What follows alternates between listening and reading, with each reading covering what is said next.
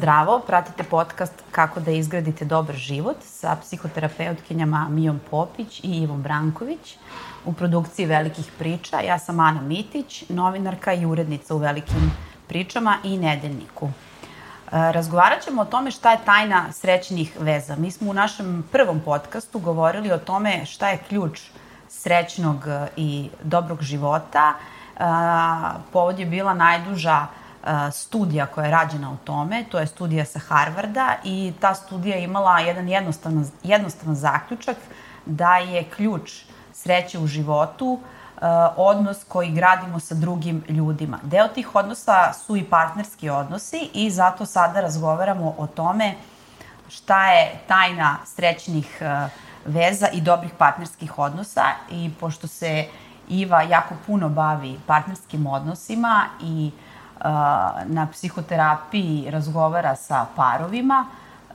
htela bih da mi prvo kažeš, pretpostavljam da parovi najčešće dolaze kada imaju neki problem na psihoterapiju. A da li se parovi javljaju iako su u dobrim odnosima, ali žele da spreče da se ti odnosi recimo pogoršaju? E, da, to se zapravo dešava, e, ne toliko često, ali zapravo mnogo češće nego, nego što bi očekivali. Uh, jer e, istraživanja neka pokazuju, ja sam negde razmišljala o svojoj praksi kad smo se pripremali za ovo, ali sam onda malo pogledala šta kažu najnovije istraživanje i kažu da je partnerska terapija jedna terapija koja, za koju se baš očekuje ozbiljan porast. Zašto? Zato što smo s jedne strane shvatili ovo što si ti rekla, da su odnosi nešto što je prilično važno, e, shvatili smo da, su, da je partnerski odnos, u stvari shvatili smo značaj partnerskog odnosa, jer do pre pa sad ne znam, 20 godina, e, nije bila ključna stvar biti srećan u braku. U braku se jednostavno bilo. I to je bio princip i to je možda i generacije naših roditelja, prethodne generacije svakako, su tako nekako to doživljavale. Kao pa dobro, u tome si, to je neki praktični aranžman i to jednostavno funkcioniše, ne pitaš se mnogo, niti je važno da sad u tome uživaš. A onda smo shvatili da je partnerski odnos važan uh, da zadovoljstvo u partnerskom odnosu važno za mentalno zdravlje, a isto tako smo shvatili da je kvalitet partnerskog odnosa važan i za decu.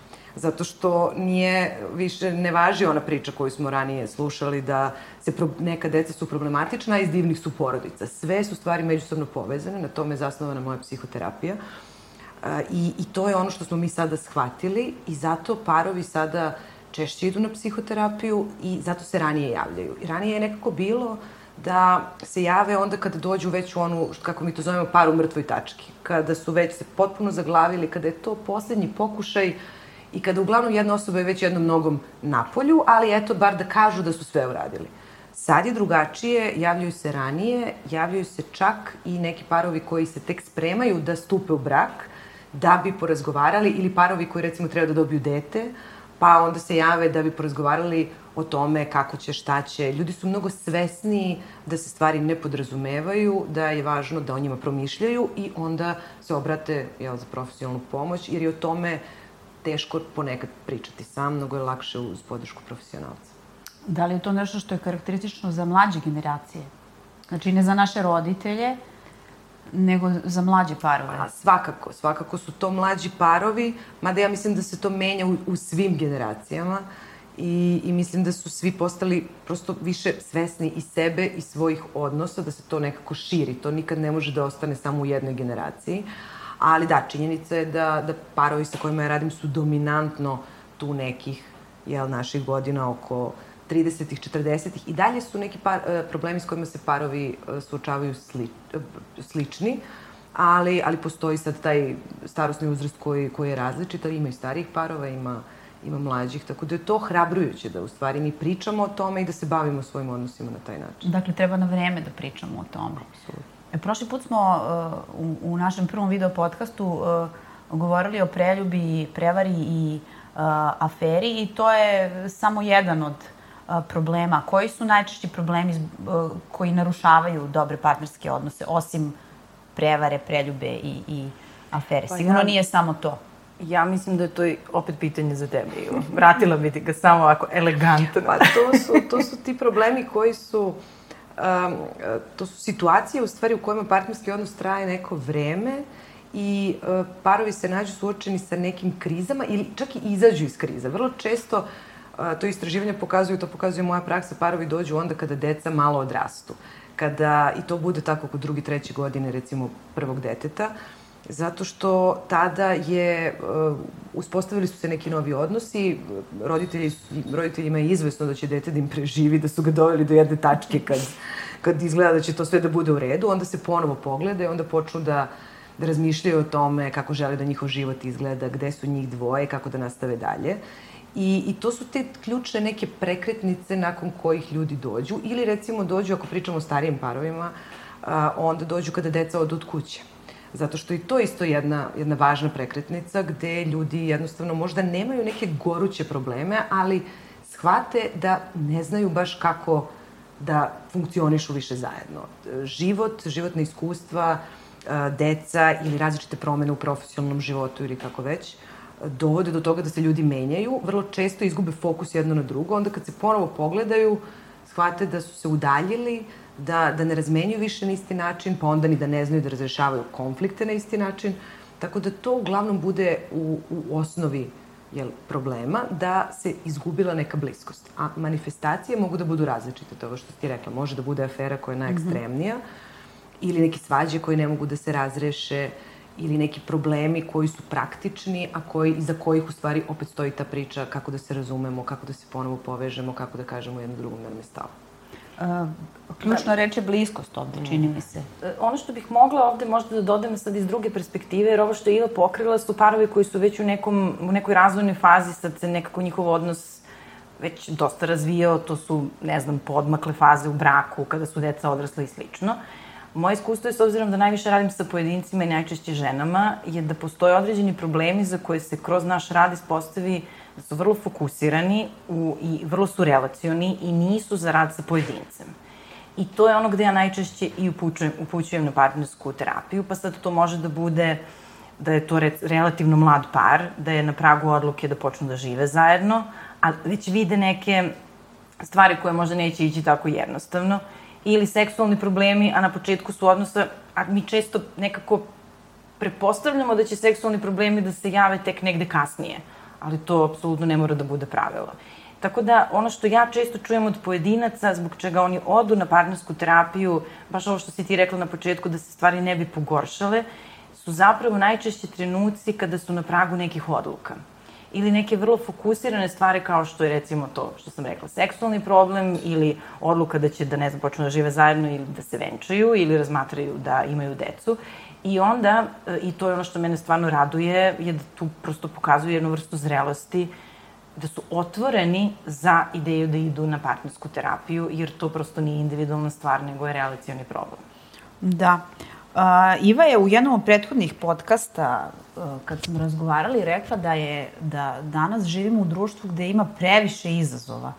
Uh, izazova i za veze, i za brakove i tim izazovima nije nekad lako odoleti? Pa, mislim da živimo u, u jednom kompleksnijem vremenu nego što je ranije bilo. Imamo puno uh, izbora, imamo puno mogućnosti, uh, imamo puno očekivanja. Uh, mi se sada i ovom temom bavimo zato što svi pokušavamo da imamo partnerske odnose koji su optimalni. A ono što ne postoji, ne postoji recept kako imati optimalan odnos i zavisi od, od ljudi jel, koji su u tom odnosu i o tome ćemo jel, u stvari danas i da pričamo. Šta su to sve neke različite oblasti u kojima je važno da uh, se dogovaramo, pregovaramo, da budemo kompatibilni, da se dobro biramo, da pravimo neke zajedničke odluke. Tako da, da, partnerski odnosi jesu pred, pred izazovima, s jedne strane zato što imamo velike očekivanja od njih, s druge strane zato što jesu donekle relativizovani, znamo da možemo iz njih da izađemo lakše nego ranije i mislim da su zato ljudima je toliko interesantna ta tema jer je stalno su u tom vaganju. Kao, ok, e, želim da, da imam to ljubav za ceo život, što i dalje imamo kao neki narativ koji, koji svi, kome svi podležemo, a s druge strane želim da napravim pravi izbor, želim da budem srećan i možda postoji neki drugi izbor. Tako da nije lako u ovom vremenu zapravo opstati u partnerskom odnosu ako se sve to ima u vidu. Pa meni se čini u stvari da je nikada teže da je teže nego pre? Pa za, Ili da, je to pogrešan što, utisak? Meni, meni deluje da to ima, ima istine u tome zato što sad puno pitanja po, pokrećemo na ovu temu. Ranije se prosto znalo. Mm. Zna se kako ide život. Završiš fakultet, onda nađeš tog nekog šta god, onda ste vi u braku, pa deca. Prosto mnoge stvari su se podrazumevale. Mi sada, baš zato što preispitujemo sve, to, to može donekle da nas izbuni. Da, vratit ću te na pitanje, na, na reč. Od malo pre to je reč bliskost. Mm. Da li je to ključno e, kad, kada pričamo o paru koji ima dobar odnos i, i koji je srećan par? I šta znači to? To, je, to je baš ozbiljno pitanje. Uh, ali u stvari je, da, ozbiljno, ali prilično jednostavno. Mi, ono što, zašto mi ulazimo u partnerske odnose? Zato što želimo da sa nekim budemo bliski. Šta znači da budemo bliski sa nekim? To znači da imamo emocionalnu razmenu i da imamo podršku. I znači da imamo nekog ko nas poznaje i prihvata onakve kakvim jesmo.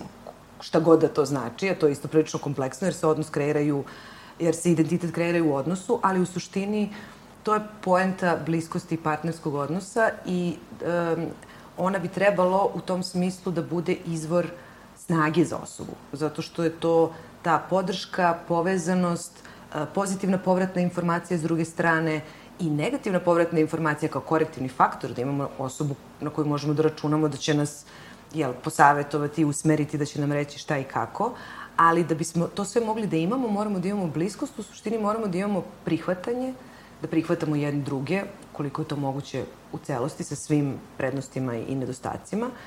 I, s druge strane, da imamo adekvatan, odnosno kompatibilan način kako pokazujemo nežnost. Jer mislim da su to prilično važne komponente bliskosti. Da, um, da se to prihvatamo jedno drugo i da znamo kako jedno drugom da to stavimo do znanja. Da nam je stalo, da se volimo, da smo, jel, da smo tu jedni za drugo. I to deluju kao jednostavne stvari, zato što smo mi učeni kroz filmove, kroz uh, literaturu, da se ljubav pokazuje, ne znam, velikim gestovima, ne znam, nekim romantičnim događajem, ovim i onim, a u stvari se bliskost pokazuje kroz neke male, svakodnevne životne stvari I to je ono gde, što, što ja i radim, i mi koji se bavimo partnerskom terapijom, radimo sa parovima, da se podsjetimo kako vrlo specifično u odnosu na to ko su dve osobe u odnosu, da se bliskost održava. Šta je to, e, na koji način je meni potrebno da mi neko kaže da mu je stalo, koja vrsta podrške mi je potrebna i kad nađemo tu osobu koja to ume da ponudi i kad to postoji sa druge strane, onda to bude stvarno uh, ta jedna jaka i dobra veza koja onda može da opstaje i kroz kompleksne situacije i kroz različite životne cikluse. Tako da. A šta se desi u vezi da ljudi uh, zanemare tu bliskost? Koji su to događaji? Uh, pa znaš šta, ja mislim da ono što se desi u vezi vrlo često, i tu se nadovezujem i na ovo što je Iva rekla, jeste da, da se ne razumeju dobro i da ono što dovede do zanemarivanja jeste da ne čitaju dobro poruke ljubavi. Mislim, daću malo konkretni primer i to je isto jedan model o kome sam ja nedavno čitala, pa mogu i naši slušalci i gledalci to malo da isprate. Zove se Pet jezika ljubavi. Ja mogu da se osetim zanemareno ako, recimo, moj partner uh, meni čini neke konkretne praktične usluge, a to za mene uopšte nije pokazatelj ljubavi, a za njega jeste. To što on za mene čini praktične stvari, a ja to ne čitam kao ljubav, nego ja kao ljubav čitam taktilnost, pohvale i komplimente, znači fizički kontakt i to da me on povremeno pohvali, to automatski znači da se ja osjećam tu zanemareno i usamljeno, iako on radi ono što je za njega jezik ljubavi. I meni je to bilo zanimljivo kada sam uh, čitala o tome da su autori zaista napravili taj model od pet ključnih pokazatelja ljubavi, pa ću ih sad navesti. Um, jedno je taktilnost, taj neki fizički kontakt koji nije svima jednako važan. To je ono kada vidiš parove, ja recimo za te neke parove malo ih znam, za koje stvarno verujem da su srećni, oni kada sede uvek postoji neki fizički kontakt između mm -hmm. njih, ruka na e, kolenu, nekako su kao povezani su. Znači, očigledno su usklađeni po pitanju toga da je pokazivanje ljubavi to, fizički kontakt. E, pokloni. Nek, nekome su pokloni važni, nekom drugom nisu. Tu već postoji rizik da se oseti neka strana zanemareno ako ova druga uopšte ne kapira da su pokloni važni. Pohvale i priznanje, to jeste komplimenti. Um, samo da pokušam da se setim šta još imam to i zapisano. Neki mali gestovi pažnje, to je ovo što je rekla Iva. Empatija. razumevanje da stvarno treba da budemo tu za nekoga kada je ranjen, povređen, da samo budemo tu, da slušamo, da možda ne ulažemo, ne uskačemo u te praktične stvari i peto su zapravo praktične, konkretne usluge. I sad, šta se desi? Mogu obe strane da imaju najbolju nameru i jedni druge zapravo vole, ali ako nisu proverili kojim jezikom ljubavi oni komuniciraju i šta za njih ljubav znači i da li su im te formule ljubavi neusklađene, tu može da se desi da jedna od strane ili obe ostanu sa osjećajem usamljenosti i zanemarenosti, a da suštinski ova strana preko puta radi najbolje što, što ume. A moram da te prekinem, da li se onda oni ne razumeju ili šta? Oni nisu zastali da porazgovaraju o tome šta za tebe znači ljubav i iz čega, iz kog mog ponašanja ti vidiš ljubav, nego očekuju da to nekako se podrazumeva, jer kao svi znamo šta je ljubav. Mm -hmm. Mislim, to je toliko teško uopšte odgovoriti na to pitanje i zato mi je interesantan taj model u kome su oni to razlo, razložili na tih nekih pet mm -hmm. ponašanja i ono što je preporuka i za, i za ljude koji nas slušaju, vrlo lako to mogu da, da urade. Ukucaju na Google pet jezika ljubavi, test za parove. I onda prosto pogledaju iz kojih ponašanja oni zaključuju da su voljeni i koliko njihov partner zapravo uvažava ta ponašanja i obrnuto. Tu ima, um, imamo baš imam super primer, pričali smo sa jednim parom i ovaj, on kaže, uh, ja sam njoj, njoj stalno donosim cveće, ali nisam joj nikad donosio za dan zaljubljenih. A njoj je važno da joj donesem cveće za dan zaljubljenih, a meni je to bilo nekako mhm. previše tipično, to svi rade, neću da budem kao i svi likovi u metrou koji su sa, sa cvećem idu kući. Ali onda sam shvatio da to nema veze sa mnom, nego ima sa njom. I mi vrlo često, to je to, u stvari da bliskost podrazumeva razumevanje unutrašnjeg prostora one druge osobe.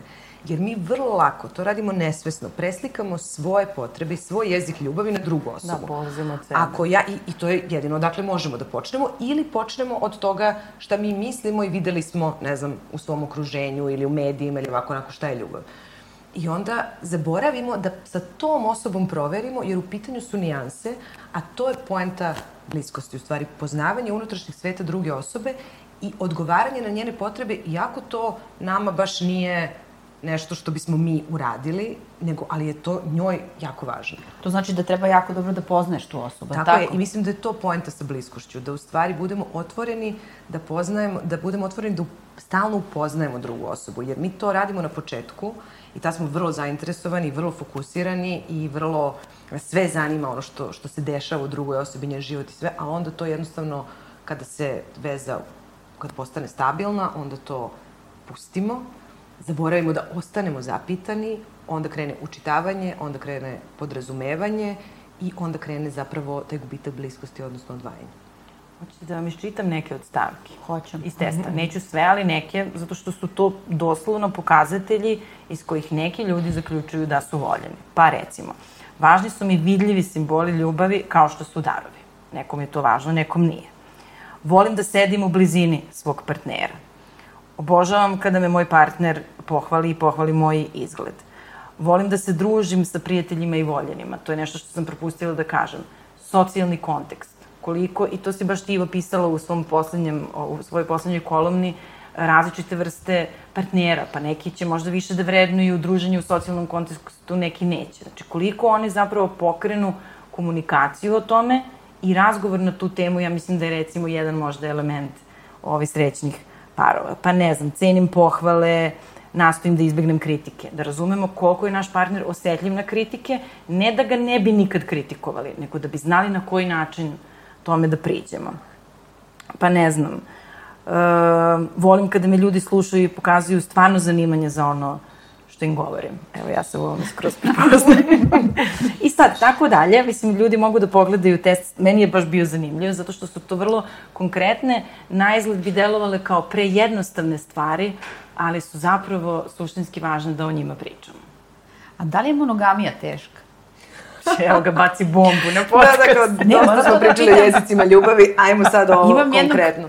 druga i on stalno meni govori, monogamija je teška, monogamija je zeznuta.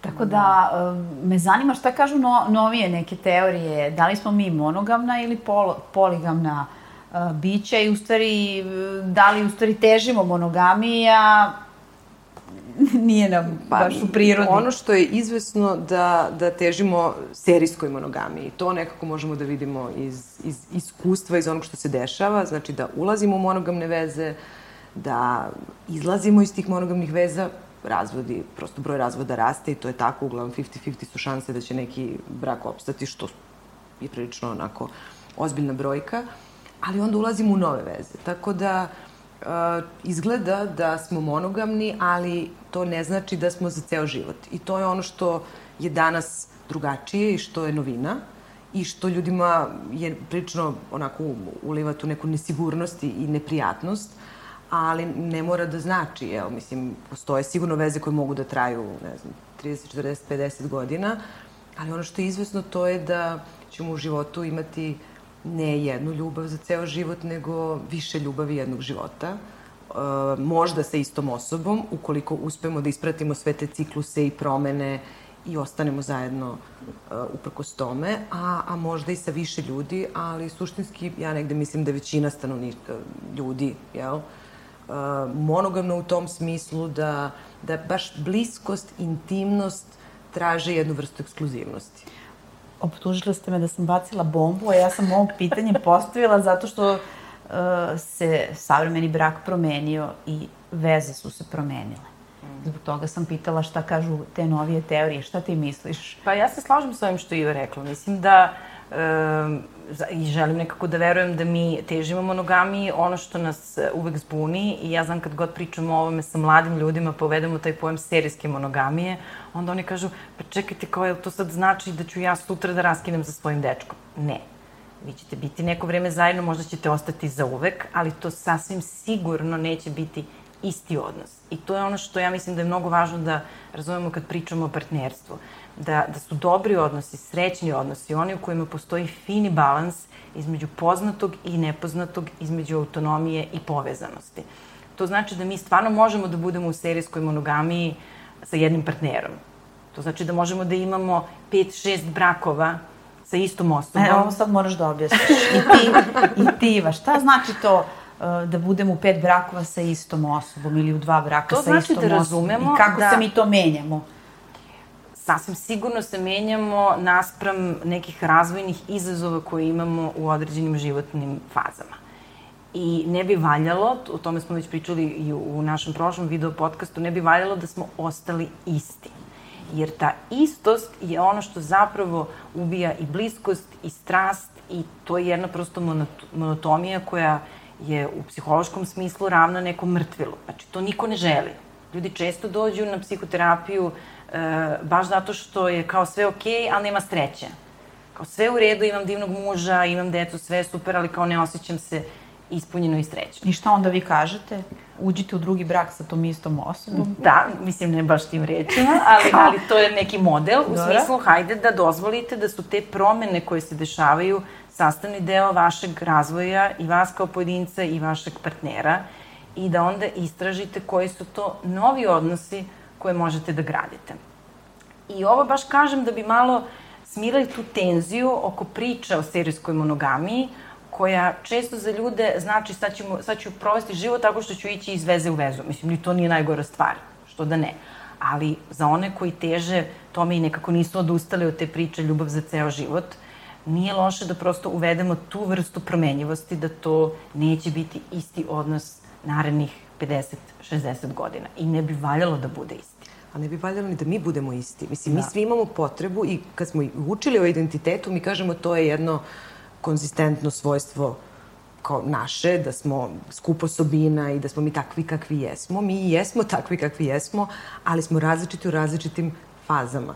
Jer ako samo pogledamo svoj život, kakvi smo bili, ne znam, ajde, da kažemo i posle detinjstva i adolescencije, ali to je neki period studiranja, pa i onda su krenuli prvi poslovi, pa onda idu partnerski odnosi, menjaju se okolnosti u kojima mi živimo i radimo, mi dobijamo nove uloge, profesionalne, društvene, menja se odnos prema našim porodicama porekla. Brinuli su roditelji o nama, pa mi sad brinemo o njima.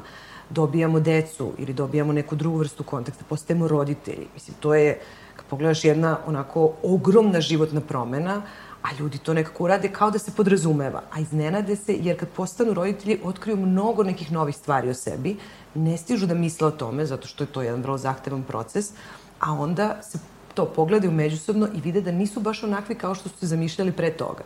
Onda deca odrastaju, onda kreće neki novi socijalni kontekst, ulazi u sistem obrazovanja i tako. I to, to, su, to su sve velike promene, menjaju se poslovi, dešavaju se usponi ili padovi, dešavaju se bolesti, neki ljudi ulaze i izlaze iz života, menjaju se gde ljudi žive, selitbe. Sve te stvari nas menjaju, a mi onda, onda ide jel, starenje, ide odnos prema tome kako starimo i šta se tu dešava. Dešava se čuvena kriza srednjih godina koja je sad potpuno klizna, više ne znam u kom periodu se dešava, izgleda da je baš dugo traje. U svakom slučaju suočavamo se s sobstvenom smrtnošću, sa izvesnošću, sa izborima, sa neuspesima, sa nezadovoljstvima. Sve se to dešava dok smo u partnerskom odnosu. Mi rastemo i razvijamo se, a imamo očekivanje da ćemo biti isti. Mm. I to je ono što zaboravimo da iskomuniciramo sa partnerom. Vrlo često na terapiji se to desi. Ja kažem ljudima, ovde ste da se pogledate ponovo i da vidite da li se jedno drugom dopadate. Jer je to isto novo pitanje. Postoji ljubav, ljudi su prošli svašta nešto zajedno, ali sad treba da se vide posle 10, 15, 20 godina zajedničkog života i da vide da li se dalje sviđaju jedno drugom i da li bi mogli ponovo da daju svom braku šansu i zato mi to zovemo prvi, drugi brak sa istom osobom. Ti hoćeš Jer da to kažeš... nisu iste osobe kao pre 20, mm. pa mi nismo mm, iste kao što smo bila pre 20 godina. Mislim. Hoćeš da kažeš da je jedan od uslova za srećnu vezu da prihvatamo te promene i da prihvatimo Tako da su to sad, da smo mi sada potpuno Tako je. Drugačiji. Da se proveravamo stalno, mm -hmm. da li smo i dalje okej. Okay Jer isto može da se desi, zato neki brakovi i, i veze pucaju, da ljudi su kroz vreme, kroz život shvatili da su se promenili na načine gde se više ne dopadaju jedni drugima. Znaš šta Otiše na druge dobro? strane, to isto može da se desi. I to je, tu je zapravo dobro poređenje prijateljski odnosi, gde mnogi od nas imaju neke prijatelje koji su se čuvali od ono ranih, ne znam, ranog uzrasta i razdvojili smo se, u stvari nismo se razdvojili, ostali smo prijatelji, da smo se promenili. Mm. I sad ti nećeš tom svom prijatelju da kažeš ti si mene izdao zato što si se promenio. A partneru hoćeš. Mm. Zar ne? I to se prosto tretira kao izdaja, a nije izdaja, nego je samo prosto promena i onda imaš izbor da li ćeš sa tim prijateljem ili u ovom slučaju sa partnerom da napraviš izbor da ostanete zajedno i to što kaže Iva da se ponovo pogledate ili ćeš to da tretiraš kao izdaju nisam se ja za ovo, ne znam, prijavila pre 20 godina. Da. Često čujemo da je savremeni brak u krizi. O tome govori i statistika o, o manje o, bro, o manje sklopljenih brakova i o broju razvoda. Taj broj je stalno u, u porastu. E, zanima me šta vi mislite. Da li je brak u krizi ili je samo postao nekako drugačiji? Mm, pa, ako se sklapa manje brakova, mada ja, ja nisam, ne znam, nisam sigurna oko tih podataka. Uh, ono što znam da se više razvode brakovi, znam da su recimo posle covid skočili jel, mm -hmm. brak, broj brakova je porastao zato što razvoda i, i razvod, ali i sklapanje brakova, zato što su se ljudi i povezali i shvatili znači socijalnih da. tih odnosa i veza. Tako da ja ne mislim da e, brak kao institucija propada, on samo može da se menja i mora da se menja zato što mm -hmm. se mi menjamo.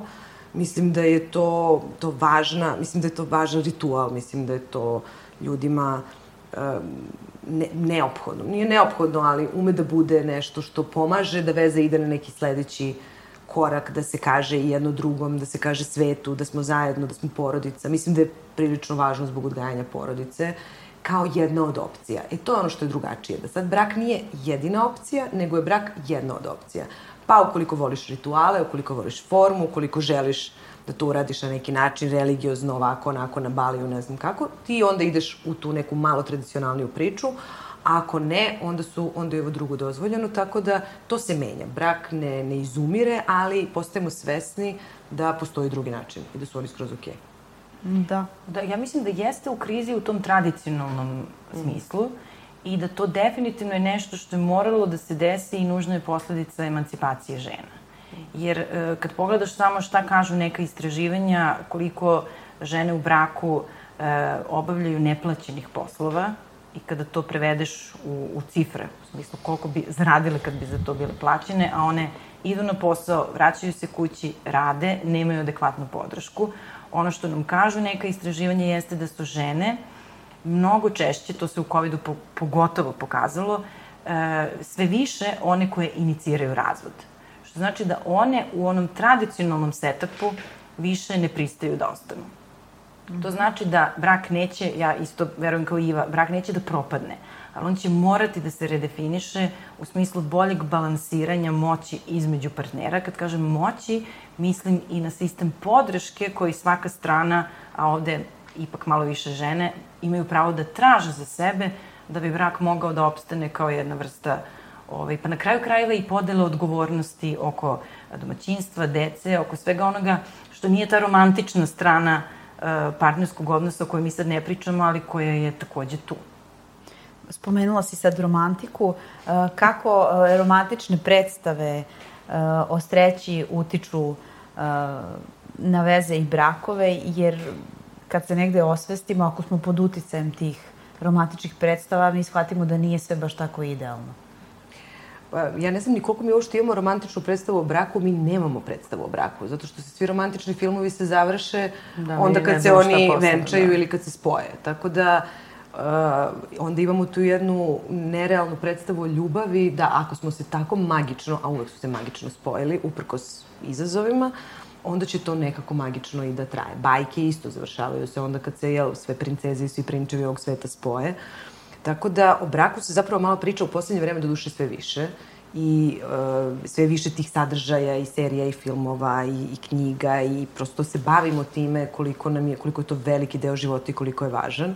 Tako da mislim da se to polako menja, ali da jesmo pod uticajem dominantne kulture koja i dalje promoviše tu neku romantičnu ljubav koja, koja je lepa i predstavlja jedan deo partnerskog odnosa na samom početku dok je zaljubljenost i dok se to tako traje i koja posle naravno provejava kroz odnos, zato je partnerski odnos drugačiji od prijateljskog, jer zato što ima tu jaku komponentu i romantičnog i erotskog i seksualnog i svega onog što, što nije prijateljstvo, ali nije ključna stvar i ne održava se samo tako. Brak i partnerski odnos ne održava ni zaljubljenost, ni, ni seksualna privlačnost, nego su to samo dve komponente, a onda ide bliskost, poštovanje. Sam nam reci, šta, šta održava, po, šta je ključ uh, srećne i dobre veze? Jo, ima mnogo ključeva. To je najteže pitanje, mislim, najteže to nam je tema sad glavna. Zato smo se ovde okupili. Zato smo se ovde okupili da raščivijamo to. Ali pa na kraju komunikacija. Na kraju komunikacija, ali to je neko rekao, mi puno uh, razgovaramo, ali nedovoljno komuniciramo. Nije svaki razgovor komunikacija, uh, nije svaka interakcija komunikacija, nego je važno da komuniciramo i da se povezujemo kada su važne stvari u pitanju. Mislim da je, da je to onako prvi ključni faktor, da, da ostanemo zajedno u tom odnosu, da ostanemo zainteresovani jedno za drugo i uključeni u živote jedno drugog. To bi onako bila prva stvar. Mm, mm. Ne znam. A šta, šta je to važno? Na šta, na šta misliš? Znači, da komuni... rekla si da komuniciramo kad su te neke važne stvari Da, da se Koje pitamo... su to Pa, i da komuniciramo o nama. Mislim mm -hmm. da je to prilično važno, da su to dve stvari, da budemo zainteresovani za unutrašnji život svog partnera, jer se tako neguje u stvari bliskost. I druga stvar je da, da pričamo o tome kako nam je u odnosu da se povremeno proveravamo, da, da, da se čekiramo, da samo ne upadnemo u ono što se zove kolotečina, rutina, podrazumevanje. Mm -hmm. Da smo zajedno, da smo se venčali, da će to tako sada da bude za uvek. To, to se lako sklizne jer se borimo sa svakodnevnim izazovima i onda je uh, to nekako prirodna stvar koja se desi. Zato partnerski odnos traži taj dodatni napor da se pozabavimo tim našim zajedništvom i tu je problem sa idejom romantične ljubavi, odnosno s tim mitom koji postoji mm -hmm. iz filmova, iz knjiga, zato što ide ta pretpostavka da će to da se održava bez obzira. Jer ako mm -hmm. smo jedno za drugo, ako smo se našli, onda će ta iskra uvek da Kao postoji. Kao samo od sebe. Tako je. Da. jer smo mi dve srodne duše, jer smo mm -hmm. se našli, jer je to tako. To jednostavno nije tako. I parovi koji se jesu pronašli, koji su bili jako zaljubljeni, koji dobro funkcionišu, moraju na tome da rade. Zato je to važno, da nastavimo da komuniciramo o partnerskom odnosu, da nam ne bude neprijatno da komuniciramo o tome da smo se malo ohladili, da više nemamo onaj uh, intenzitet privlačnosti koji smo imali, da smo možda nezadovoljni svojim seksualnim životom, da smo nezadovoljni bliskošću, da smo, da smo se možda promenili u smislu ovih uh, jezika ljubavi koje mi ja spomenula. Bilo nam je važno ovo, pa nam je bilo važno ovo. Znači, da nastavimo da pričamo o nama i da nam to ne bude neprijatno upravo iz te ideje da ako smo jedno za drugo, onda će to sve nekako prirodno da dođe.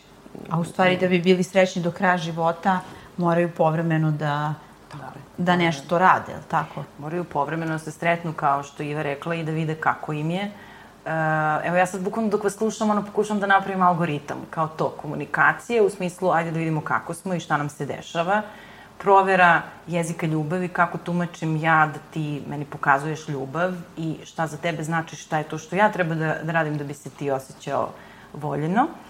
I treća stvar koju bih dodala, koja stvarno mislim da jeste mnogo važna, o njoj se mnogo priča, ali e, je mnogo teško to operacionalizovati, u smislu šta to stvarno znači, a to je taj balans između samostalnog i zajedničkog.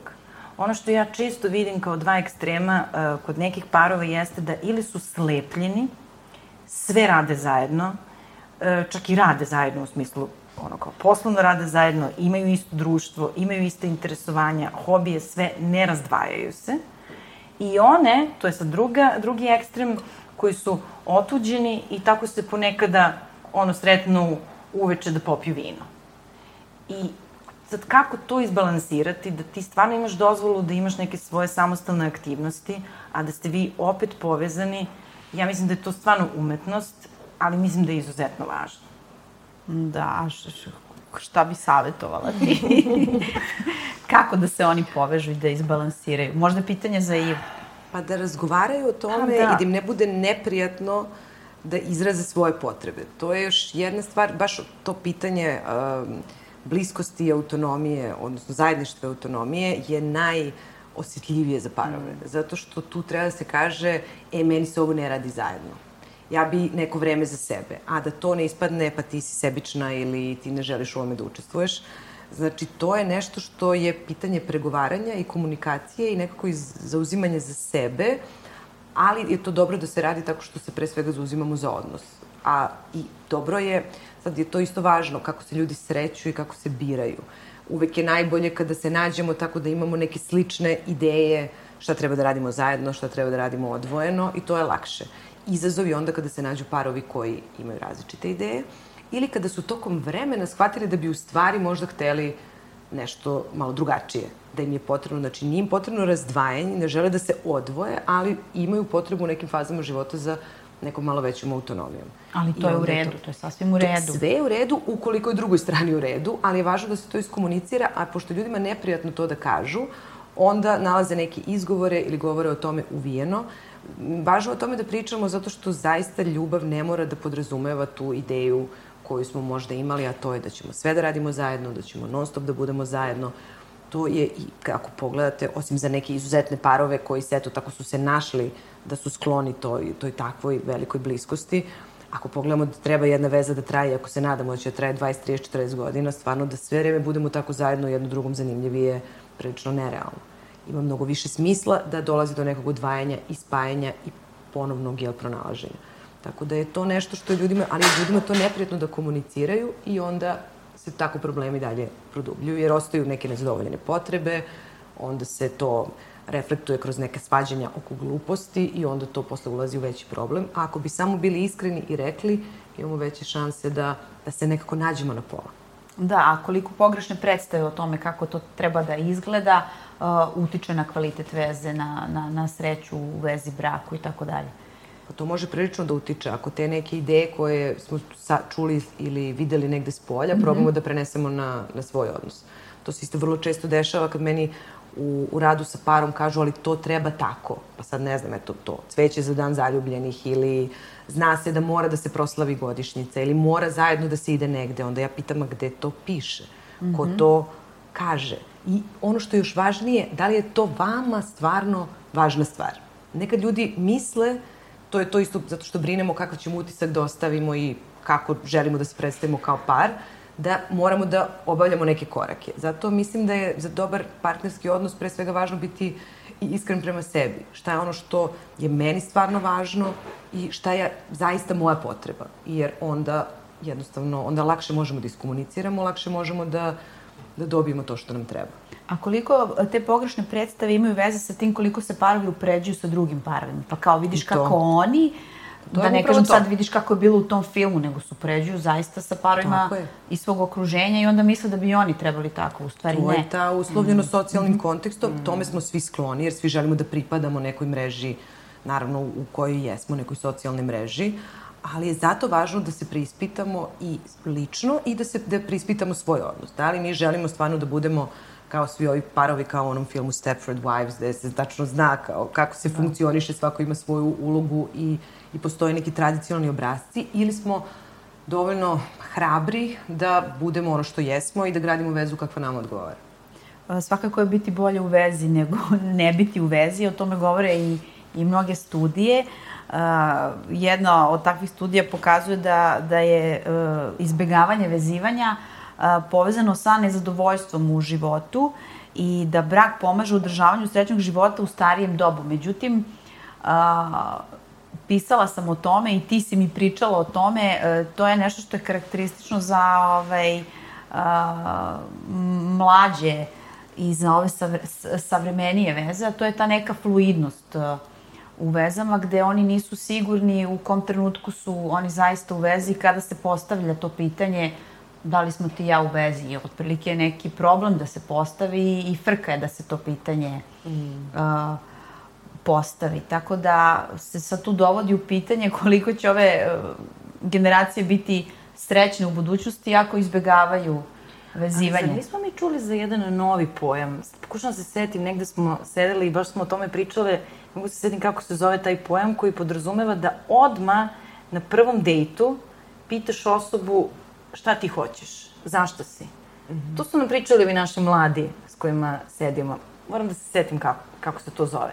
Ali to je baš ekstrem ovoga o čemu ti pričaš. To je suprotnost. Tako je, znači na prvom dejtu odmah moraš da mi kažeš zašto si.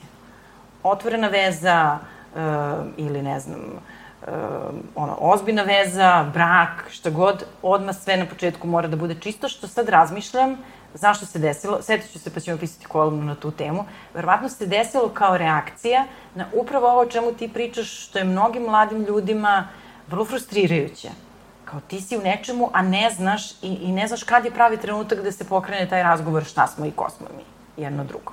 Da, i to, ali između ostalog problem je što a, mladi a, ne žele da se a, vezuju. Da, to je nešto što je isto karakteristika tih novih odnosa. A ja mislim da mi imamo tu ideju o, o mlađim generacijama zato što su oni mnogo otvoreniji mm. za različite stvari. Um, ja sam baš skoro imala sa, sa studentima tu radionicu, o, odnosno, kako bi se to zvalo, neka diskusija, tribina o novim formama ljubavi. Oni nisu tako liberalni, toliko otvoreni kao što mi zamišljamo. Zato što svi mi imamo potrebu za ljubavlju i za jednom vezom koja, koja će biti ispunjujuća, koja će biti trajna. Možda je njima izazov u tome što oni osjećaju preveliki pritisak da ta veza bude tako savršena i s druge strane to što su svesni toga da imaju više mogućnosti. Mnogo svesniji nego što su bile prethodne generacije, pa čak i naša generacija gde je sve mnogo tradicionalnije. Da, da oni Tako imaju da ja više mislim, mogućnosti. Oni imaju više mogućnosti i mislim da njima stvarno nije lako, zato što se nalaze u tom procepu. Da i dalje postoji ista težnja i tendencija da se ima jedan partnerski odnos koji će biti solidan, koji će biti podržavajući, koji je suštinski mnogo važan. I s druge strane da se ne napravi greška i da se ne napravi pogrešan izbor da. i u tome oni ostaju otvoreni i, i mislim da to nije, nije loša stvar, ali je kao i uvek, kad ima više izbora, veća je teskoba, što je veća sloboda, sve je teže, zato što je veća lična odgovornost. Sada nema toga da nam neko kaže u kom pravcu i kako treba da idemo i da radimo. Mi moramo da sami donosimo odluke i nove, nove generacije su tu u priličnom problemu, ali s druge strane imaju i tu mogućnost da zaista svoje živote žive u skladu sa sobom. I mislim da će to biti najveći problem, kao što je savremenog mm -hmm. čoveka i čoveka u budućnosti, što sada nema tog unapred ispisanog skripta. Mislim, mm -hmm. ima ga, možeš i dalje da ga uzmeš i da živiš po njemu, ali u, uglavnom ovaj, će ljudi imati tu opciju da biraju i to će biti veliki izazov, ali će zato i zapravo imati mogućnost da u skladu sa sobom uh, žive svoje živote i da se možda na kraju nemaju neka kajanja koje su možda imale neke prethodne generacije. Hoćeš da kažeš da nije istina da oni izbegavaju ta romantična vezivanja? Ja mislim, ja mislim da je da naša potreba za vezivanjem univerzalna mm -hmm. i da je ona nama data i da tu zapravo leži ovo čemu si ti uh, što si navela kao jedan od podataka, leži naš doživlja i dobrobiti. Mislim, ljudi teže da budu povezani. To ne mora nužno da bude ono, partnerski odnos, brak, postoje i neki drugi načini kako mi možemo da budemo povezani. Tako da ja verujem da to ostaje kao univerzalna stvar, ali mislim i iskreno da budem tome raduje, što mladi ljudi danas nemaju taj, ovo što je rekla, unapred ispisan skript, nego imaju više izbora, to naravno stvara određenu vrstu konfuzije, ali opet uh, je lepše nego da znaš da te ono kad završiš fakultet čeka to sve što te čeka i onda samo treba da proživiš to po nekom unapred definisanom načinu. Da, ne bude uvek tako. da. Pa i ne bude, uglavnom ne bude mm -hmm. tako. Mislim, to je taj problem sa skriptovima, što smo mi imali neku ideju kako će život da izgleda, a onda život izgleda drugačije. Ali to ne znači da je uh, ne znam, bolji ili gori. On je jednostavno raznolik. Mi imamo, do određene tačke imamo kontrolu nad svojim životima, nakon toga zaista se različite stvari dešavaju i to je ono što, što bi trebao da bude deo procesa sazrevanja, da, da razumemo da život zapravo podrazumeva izlaženje na kraj, odnosno razvoj kroz različite okolnosti koje koje nam se dešavaju. Kako god, bilo da živimo po tradicionalnom skriptu gde smo, ne znam, e, završili fakultet, venčali se, imamo dvoje dece, zlatnog retrivera, sve super, ali i tu se dešavaju različite stvari na koje ćemo različito da reagujemo. Ili smo, iz, sad nam se desilo nešto drugo, da nismo u partnerskom odnosu ili smo u drugom braku ili smo sami ili, mislim, sve su to neke različite životne priče i ono što je danas dobro, što su one sve manje više legitimne. I, i to je ono što, što otvara prostor da ljudi zapravo imaju više nekako prava na, na sreću nego što je bilo ranije. Hoćeš da kažeš da ne postoji neka skripta sa ključnim elementima uh, dobre i srećne da. veze i da uh, zapravo te srećne veze ne liče sve jedna na drugu? Naravno, one su mm. sve vrlo različite. One imaju taj zajednički imenitelj koji -hmm. smo ovde uh, nekoliko tih imenitelja u stvari koje smo spomenule, da, da su dobro izbalansirane u smislu uh, autonomije i zajedništva, da su zasnovane na poznavanju druge osobe, da su otvorene kada je komunikacija u pitanju, da, da su ljudi spremni da, da komuniciraju, da pregovaraju oko toga šta im je potrebno i kako funkcionišu, a onda kako će se zapravo to realizovati, u kojoj formi i da li će to biti to u jednom domaćinstvu ili u dva domaćinstva ili kroz potpisivanje nekog bračnog ugovora ili bez potpisivanja bračnog, uključujući drugi ljudi ili isključujući druge ljude. To su sve stvari koje, koje ostaju otvorene. Da, znači ne postoji skripta za srećnu vezu ili... Eto, tako smo se okupili danas da snimamo ovaj podcast da kažemo ljudima da nema skripta, ali postoje neke uh, preporuke i smernice koje zapravo vrlo su nešto što mogu da praktikuju i da testiraju u praksi mm. lepo. Mm. Pa dobro, u čemu je onda tajna srećnih veza? Koje su to navike, osobine, ponašanja? Ima jedan dobar, dobar indikator da li, koliko nam je dobra veza. Mislim da je mm -hmm. jedna prva stvar koliko nam se dopada naš partner. Mislim da je to važno da da se podsjetimo i da proverimo sa sobom. Da, ne bi bilo ljubav je, da nam se dopada. Ali, bi, ali zaista, zato što ljubav je okej, okay, ljubav je u osnovi priče i mi dugo, dugo, sad ja pričam o ovim parovima koji su dugo zajedno, ali to, funkcionišemo zajedno, pretpostavljamo da delimo zajedničke vrednosti, ali da li se dalje sviđamo jedno drugom, da li se dalje zabavljamo kad smo zajedno, da li možemo da da se smejemo ili ako nismo humor, sad, ne znam, da. sad toliko smisla za humor, ali da li volimo da, ne znam, slažemo iste slagalice, ali prosto da li nam je još uvek super kad smo, kad smo zajedno. I druga stvar koja je isto mnogo važna, kako se svađamo. Pod jedan, važno je da se svađamo i raspravljamo, jer bez toga nema, nema priče o, o, dobro, o dobroj vezi i o dobrom braku. Ali je mnogo važno da i onda kada se svađamo i raspravljamo, da ne dođemo do tačke u kojoj uh, preziremo drugu osobu, u kojoj onako počnemo već malo i da osjećamo gađenje ili neprijatnost. To se dešava kada smo mnogo stvari zatrpali, mnogim stvarima se nismo bavili i kada nam se suštinski to je to ne dopada više naš partner nego jednostavno više to. Ne možemo da podnesemo neke osobine i to je ono što kada dođu parovi, kad ja to vidim, tada znaš da nema, nema nazad. Kada mm -hmm. vidite da ovaj, sedi dvoje, jedna osoba priča, ova druga je onako mm -hmm. potpuno onako sa prezirom se odnosi prema tim stvarima I, I to je jedan moment gde je veza otišla u baš negativnom pravcu, vrlo se teško vraća. Znači, važno je da se i dalje dopadamo jedno drugom i važno je da kada se svađamo, da možemo da to da konstruktivno to razrešimo i da se pomirimo bez da upadnemo u te rovove i da se to preziremo, da budemo cinični jedno prema drugom, da ne govorim sada o nekim eskalacijama, o nasilju i tako dalje. Mislim, ovde pričamo o funkcionalnim, jer relativno parovima, ali to je važno kako se mirimo, koliko se brzo posle svađe uspemo ponovo da se povežemo, da, da ponovo budemo bliski, da možemo da nastavimo da funkcionišemo bez da, da ostanemo, jel tako, zavađeni i da, da zapravo postanemo neprijatelji. Jer to je ono što, što je najveći problem u partnerskom odnosu, da se više ne sviđamo jedno drugom, da se ne dopadamo i da budemo na različitim stranama u, u različitim situacijama koje nas, koje nas zadesi. Ali to što postoji i onda nazad, da li tu može da pomogne psihoterapija? Pa teško. Teško, mm -hmm. može. Mislim, ja, ja uvek verujem da, da može, samo je važno da obe strane budu, budu spremne. I onda e, psihoterapija ima učinak. Kada ljudi zaista dođu, onda kada su spremni da rade na odnosu. Jer psihoterapija isključivo zavisi, posebno partnerska psihoterapija, e, od toga koliko su ljudi spremni da se angažuju i da nisu već izašli iz odnosa što se ponekad zaista dešava, da to bude samo nešto što se eto štiklira kao probali smo i to. Ali ako su spremni da rade, ako su spremni da, da preuzmu odgovornost za, za svoju stranu problema u odnosu i ako su spremni da, da menjaju stvari, onda, onda čak i iz jel, prilično teških situacija se vraćamo, ali je samo važno da, da budemo svi tu. Malo pre smo u stvari srušili jedan mit da se i srećni parovi uh, uh, svađaju. To je strušili smo onaj mit kao mi se nikada ne svađamo. To je baš problematično je ba... ako se nikada ne svađaju. To znači da su postali jedna osoba. Mm -hmm.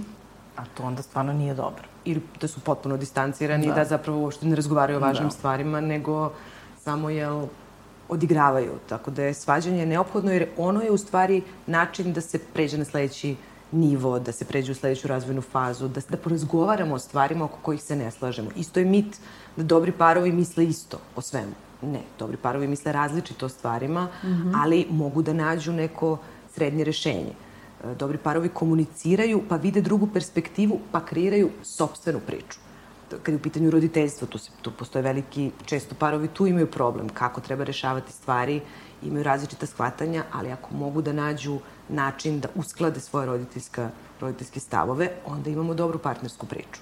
Uvek kada možemo da Eh, ili ako čak još bolje, ako uspemo da vidimo da je druga strana u pravu, pa da prihvatimo taj način. Mislim, ne moramo ni svaki put to isto mit, kao mora kompromis, mora uvek na pola, ne mora na pola. Ako mm -hmm. si mhm. ti u pravu, važno je da te ja čujem i da uradimo tako kako ti kažeš, ali da bi to mogla, moram da te čujem.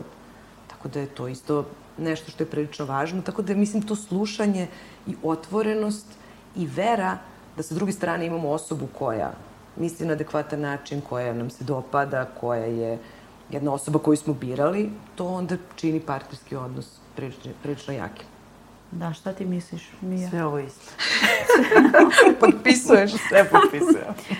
A, ali mislim da je humor važan. To, to baš mislim da je mnogo važno da podvučemo. Dobro, ali pravda za ljude bez smisla za humor. Uh, ok, ali, znaš, ne mora da bude da imaju humor, nego da možda znaš, dele neke situacije kojima mogu zajedno da se Naravno, smeju, što god, nek su to serije, ali da prosto ima tog nečega pozitivnog što hrani odnos.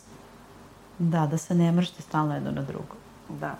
Hoćete da vam otkrim tajnu, ja sam nedavno pitala moju mamu koja je 50 godina u braku, šta nju čini srećnom. I šta je rekla? Rekla je, čini me srećnom kada mi ovaj, muž ode u prodavnicu i na pijacu i malo tako, eto, ponekad kad me zasmeje. Ja sam bila u fazonu dobro, mislim, ne mogu da kažem da su oni kao najsrećniji brak koji poznajem, ali relativno funkcionalan, ili bar ne previše disfunkcionalan. ali mi je bilo zanimljivo to, taj odgovor je toliko jednostavan, ali kao eto, to je to, možda je to ljubav. E, pa to su te neke sitnice. Da, da. A šta se ti još čula, to me zanima sa psihoterapije, od tih parova koji su eto srećni i zadovoljni, šta oni navode kao uh, primere to šta ih čini srećnim, š, š, kako im je opstao brak, ovo što je Mija ispričala pa, za mamu. Parovi, dobro, oni kad dođu kod mene nisu srećni i zadovoljni, ali oni koji su bliski. Oni koji su bliski, oni recimo, recimo uh, muž kaže za ženu, ja mogu da nabrojim sve uh, ljude koji su nju nervirali na njenom poslu u zadnjih 20 godina Ja se sećam to kad sam zadnji put čula da sam bila oduševljena. Kako je on nju slušao i koliko je on pratio. On je poznaje jako dobro. On ju dobro, dobro poznaje. On je mesto gde ona odlazi onda kada, kada je njoj teško.